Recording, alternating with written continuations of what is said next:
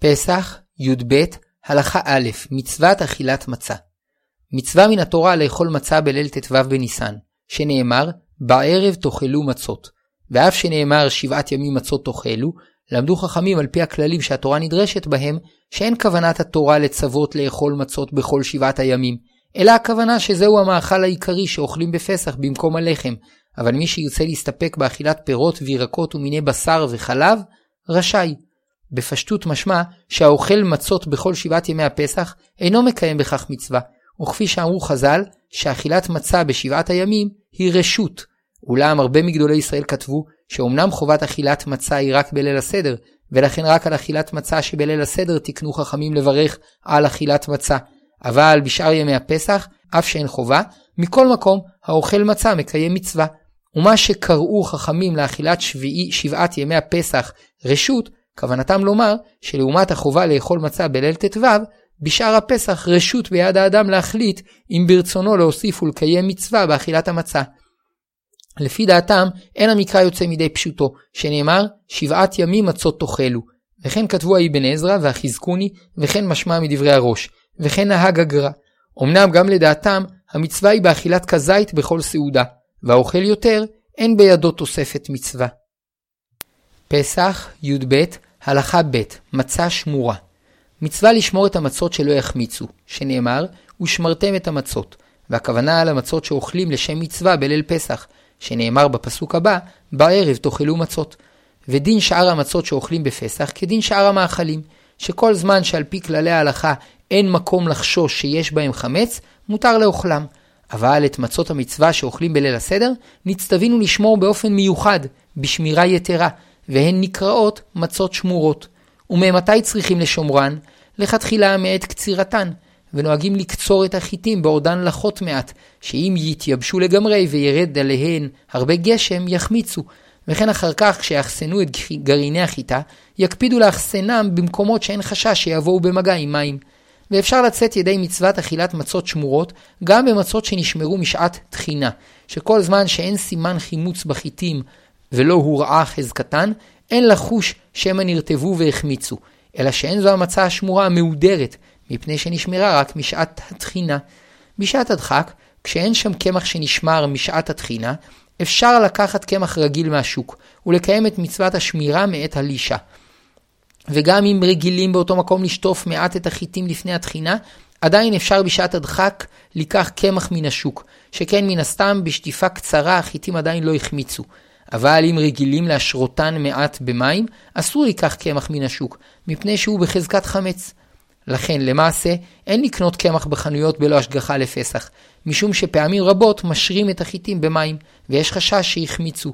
למעשה, נוהגים כיום להיעדר במצות שמורות וקונים לליל הסדר מצות שמורות משעת קצירה, ובהן מקיימים את מצוות אכילת המצה. וכל כך נשתרש מנהג ההידור, עד שלמצות שמורות משעת תחינה, קוראים מצות לא שמורות, למרות שעל ההלכה הן נחשבות שמורות, ואפשר לקיים בהן את מצוות אכילת המצה. פסח, י"ב, הלכה ג' האם השמירה צריכה כוונה לשם מצווה? שתי משמעויות לשמירת המצ... המצות לצורך קיום מצוות אכילת מצה בליל הסדר. האחת, להוסיף שמירה מיוחדת מחימוץ, והשנייה, כוונה שעשיית המצה תהיה בכוונה לשם מצת מצווה. לפיכך, צריכים להקפיד ללוש ולאפות את המצות על ידי יהודים בני מצווה, שאפשר לסמוך עליהם שיכוונו לשם מצת מצווה, ולא על ידי גויים, קטנים או שוטים, שאי אפשר לסמוך עליהם שיכוונו כראוי. ויש חולקים על המשמעות השנייה, ולדעתם, המצווה לשמור את המצות מחייבת רק שמירה יתרה מחימוץ עבור מצת מצווה, אבל אין צורך שעצם עשיית המצה תהיה בכוונה. לכן גם גויים וקטנים כשרים ללישת ואפיית מצת מצווה, ובתנאי שיהודי מבוגר ישגיח עליהם שיזדרזו במלאכתם, ובצקם לא יחמיץ, והשגחתו תהיה לשם מצת מצווה. למעשה, בעת הלישה צריך להקפיד על שתי המשמעויות של השמירה, ולכן צריך להקפיד שיהודים ילושו ויופו את מצות המצווה בזהירות כדי שהבצק לא יחמיץ, ובנוסף לכך יכוונו שעשייתם תהיה לשם מצת מצווה. אבל בעת הקציר והתחינה אפשר להסתפק במשמעות הראשונה, ולכן אפשר לקצור ולטחון את החיטים על ידי גויים, ובתנאי שיהודי יעמוד על גבם וישגיח על מלאכתם, שלא יארע בת חימוץ. לכתחילה, יש לומר בפה בתחילת העיסוק במצות, שהכל נעשה לשם מצת מצווה, ואם רק חשב על כך, יצא בדיעבד, ויכוון לשם מצת מצווה שאוכלים בליל הסדר, ואם כיוון לשם מצה של פסח, יצא ידי חובה. פסח, י"ב, הלכה ד' כשרות מצות יד ומצות מכונה למצוות אכילת מצה. מעת שהחלו לייצר מכונות לאפיית מצות, התעוררה מחלוקת גדולה בין הפוסקים, והמחלוקת נסובה על שתי שאלות. א', האם המצות המיוצרות בהן כשרות ללא חשש חימוץ? ב', אם אפשר לקיים בהן מצוות אכילת מצה בליל הסדר? לגבי חשש החימוץ, הוסכם שהכל תלוי בטיב המכונה וההשגחה, ולכן כל זמן שיש משגיחים המפקחים שלא יהיה בהם חשש חימוץ, המצות כשרות, וכן נוהגים צדיקים ויראיהם לאכול בפסח מצות מכונה. אולם השאלה השנייה עדיין שנויה במחלוקת. יש אומרים שהמצווה לשמור את המצות מחייבת שכל תהליך הלישה והאפייה ייעשה בכוונה מפורשת לשם מצת מצווה. מכיוון שהמכונה אינה יכולה לכוון, נמצא שאין לקיים מצוות אכילת מצה בליל הסדר במצות מכונה. ודעת רוב הפוסקים שאפשר לצאת ידי חובה במצות מכונה מכמה טעמים. ראשית, יש מבארים שמצוות השמירה מחייבת לשמור שלא יהיה שם חימוץ, ואין זה משנה אם השימור נעשה תוך עשייה בידיים או בהשגחה על פעולת המכונה. ועוד, שהאדם הוא שמפעיל את המכונה, ואם יפעיל אותה לשם מצת מצווה, ממילא כל פעולותיה ייעשו לשמה. למעשה, אפשר לקיים מצוות אכילת מצה בליל הסדר גם במצות מכונה, ורבים מהדרים לקיים את המצווה במצות יד שנאפו בהשגחה טובה, ואין צורך לאכול בכל סעודת ליל הסדר מצות יד, אלא ההידור הוא לאכול את אותם שיעורי כזית שנצטווינו לאכול לשם מצווה ממצות יד. פסח, י"ב, הלכה ה' האם ראוי לאכול בכל הפסח מצות שמורות? המצווה לשמור את המצות נאמרה על מצת מצווה שנצטווינו לאכול בליל ט"ו בניסן. ועניינה, לשמור את מצ... מצות המצווה שמירה מיוחדת לכבוד המצווה. כלומר, מותר לאכול מצות שלא נשמרו, אם לפי כללי ההלכה אין מקום לחשוש שהחמיצו, אבל הן אינן כשרות למצת מצווה, משום שלא נשמרו לשם מצת מצווה. לפי זה, אפשר לאכול בכל הפסח מצות כשרות לפסח שאינן שמורות. אולם יש מדקדקים לאכול בכל הפסח מצות שמורות. שני טעמים לכך. האחד, שיש סוברים שאומנם אין חובה לאכול מצות בכל הפסח, אולם האוכל מצות מקיים מצווה, ואם כן, הרוצה לקיים מצווה באכילת המצות, צריך לאכול שמורות. אמנם לפי זה אפשר להסתפק באכילת כזית מצה שמורה בכל ארוחה, וכן אפשר להסתפק במצות הרגילות שלנו, שהן שמורות משעת תחינה, וכבר למדנו שמצד הדין יוצאים ידי חובת מצת מצווה במצה השמורה משעת תחינה. הטעם השני, מפני חשש חמץ, שכן מכל המאכלים שלנו בפסח, המצה היא העלולה ביותר להחמיץ, ולכן, אם לא ישמרו את החיטים משעת קצירה, ישנו חשש שכמה מגרגירי החיטה החמיצו. לפי זה יש מקום להידור זה של אכילת מצות שמורות משעת קצירה בכל הפסח. ויש לדעת שכיום היתרון במצות השמור, שבמצות השמורות משעת קצירה אינו מתבטא רק בשמירה משעת קצירה, אלא בדרך כלל גם מקפידים יותר בכל תהליך ייצורן, להפסיק את פעולת המכונות כל 18 דקות ולנקות היטב את המכונות, ואם כן יש בהן שורה של הידורים. לסיכום, המצות הרגילות שהן שמורות משעת תחינה כשרות לכתחילה לכל הפסח, ואף לסוברים שיש מצווה לאכול מצה בכל שבעת ימי הפסח, מקיימים בהן את המצווה. והמהדרים אוכלים מצות שמורות משעת קצירה, מפני שמדקדקים יותר בשמירתן מחימוץ. פסח, י"ב, הלכה ו', מים שלנו. אסרו חכמים ללוש את המצות של פסח במים פושרים, משום שהחמימות מזרזת את תהליך החימוץ, ואם לא יזדרזו מאוד בלישת המצות ואפייתן, יש חשש שיחמיצו. ואפילו במים צוננים רגילים המצויים בבורות ובמעיינות, אסרו ללוש את הבצק, שמא יתחממו מהקרקע שקלטה את חום השמש, ולכן הצריכו לשאוב את המים מבעוד יום ולהלינם במשך הלילה במקום קריר.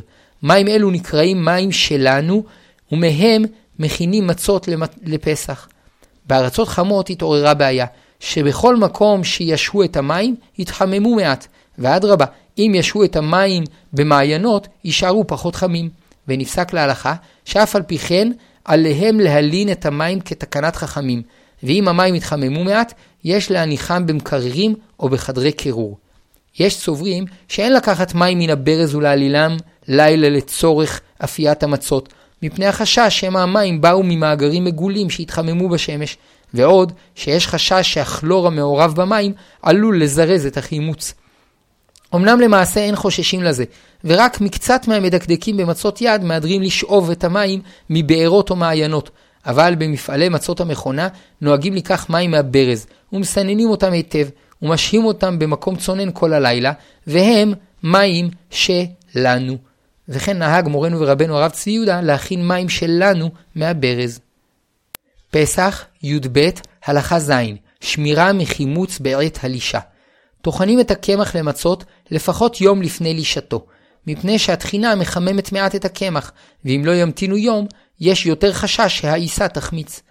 אין נותנים מלח או פלפל בעיסה, מפני שאולי יגרמו לחימום העיסה ולהגברת הסיכון שתחמיץ. אין לשים לכתחילה יותר משיעור חלה, בערך קילו וחצי, בבת אחת, מפני שקשה לאדם אחד ללוש היטב ובזריזות כמות גדולה, ויש חשש שחלקים בעיסה יחמיצו. בדיעבד, אם לש כמות גדולה יותר, כל זמן שלא שהתה 18 דקות ולא נתגלו בה סימני חימוץ, המצה כשרה. כאשר כמה אנשים עוסקים בלישה, עריכה ורידוד הבצק, לדעת כמה פוסקים אפשר ללוש כמויות גדולות יותר, וכן נהגו רבים. ואף על פי כן, לכתחילה ראוי להחמיר שלא ללוש יותר משיעור שאמרו חכמים. כשהלישה נעשית על ידי מכונה, נוהגים לכתחילה ללוש עיסות גדולות. אין ללוש את הבצק במקום חם, מפני שהחום מזרז את החימוץ. לפיכך, אין ללוש במקום השמש, וביום שרב אין ללוש בחוץ וסמוך לחלונות, מפני שאף שרוב קרני השמש מוסתרות בעננים, מכל הרקיע קורן חום רב. וכמובן שאין ללוש במקום שמתחמם מהתנור. בדיעבד, אם לשו במקום חם ולא ראו בבצק ובמצה סימני חימוץ, המצה כשרה.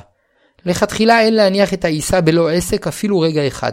כאשר ידיו של הלש יתחממו, יצנן אותן במים קרים. ויש מדקדקים בכל מקרה לצנן את ידיהם במים מפעם לפעם במשך הלישה. פסח, י"ב, הלכה ח' דינים נוספים במצות. יש לחמם את התנור היטב, כדי שמיד לאחר שיכניסו את הבצק לתוכו, יתחיל להיאפות, שאם החום יהיה חלש, הבצק עלול להחמיץ קודם שיהיה יפה. וכן ברור שאין לאפות בחום השמש, ואם עבר ואפה, אף שהחום היה חזק מאוד וברור שהבצק לא החמיץ, אין יוצאים במצה זו ידי מצוות אכילת מצה, מפני שהמצה נקראת לחם עוני, והנאפה בחמה אינו נקרא לחם. אבל אין, צריך, אין צורך לאפות את המצות על ידי להבות האש דווקא, אלא גם כאשר הלהבות בוערות מתחת לפלטה של מתכת או חרס, כיוון שהפלטה רותחת, אפשר לאפות עליה. וכן מותר לאפות בתנור חשמלי שגופי החימום שלו מתלהטים והרי זה כאש. אבל לגבי מצות שנאפו במיקרוגל יש ספק, כי יש סוברים שהן פסולות למצוות אכילת מצה, מפני שלא נאפו באש. אין מעטרים את המצה בציורים, שמא ישהו כדי לצייר עליה, ובינתיים תחמיץ. אין עושים בפסח מצה עבה טפח, 7.6 סנטימטר. יש לחשוש שהאש, שיש לחשוש שהאש לא תשלוט בתוכה כראוי ותחמיץ. אבל מותר לעשות מצה שעובייה מעט פחות מטפח. מנהג יוצאי אשכנז לעשות מצות דקות וקשות, שבאופן זה האש שולטת בהן היטב, ואין כמעט חשש שיהיה בהן חמץ. ויש מן הספרדים שנהגו לעשותה בעובי אצבע, ויש שנהגו לעשותה רקיקים כמנהג אשכנז, מפני שרגילים לאפותם לפני הפסח, ואם לא יהיו רקיקים, לא יישמרו כראוי. אין יוצאים ידי חובה במצה גנובה או גזולה. לפעמים הקונה לוקח את המצות לרשותו בלא לשלם, ואם המוכר גילה דעתו שהוא רוצה לקבל את התשלום מיד, הקונה צריך להקפיד לשלם לו כפי שביקש. ואם המוכר מחזר אחר הקונה כדי שישלם עבורן, והקונה דוחה אותו בלך ושוב, אין הקונה יוצא באותן המצות ידי חובה, מפני שאינן שלו.